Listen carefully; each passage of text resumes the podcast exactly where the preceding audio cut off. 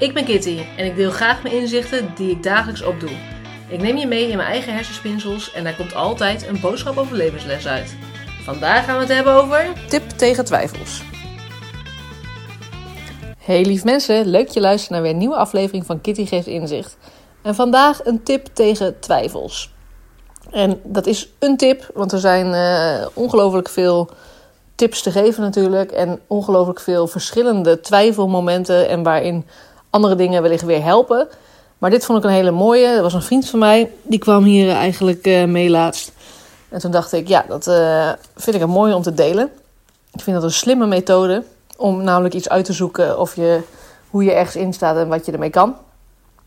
En dat is namelijk, stel je twijfelt over je relatie, of over werk, of over misschien wel een vriendschap, of uh, vakantie, ja of nee, uh, geldzaken, noem maar op.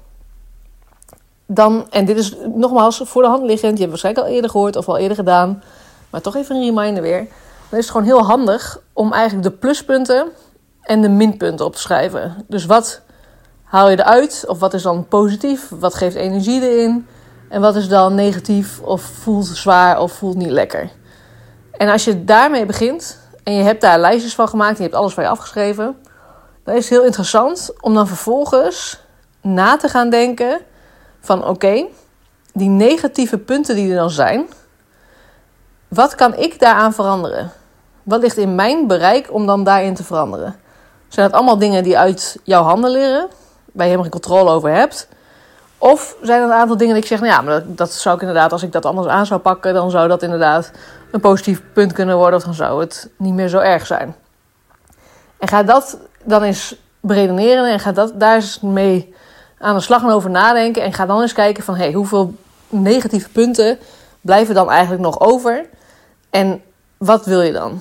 Wat voelt dan goed? Is het dan zo dat je inderdaad de bevestiging krijgt van, nou, zie je wel, uh, moet het gewoon niet doen?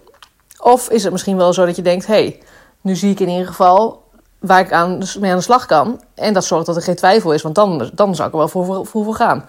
Dan zijn die minpunten uit de weg en uh, dan uh, is er eigenlijk geen twijfel meer. Nou, ik ben heel benieuwd hoe het voor jou werkt. Laat het vooral weten. En dat er vooral minder twijfel mag zijn.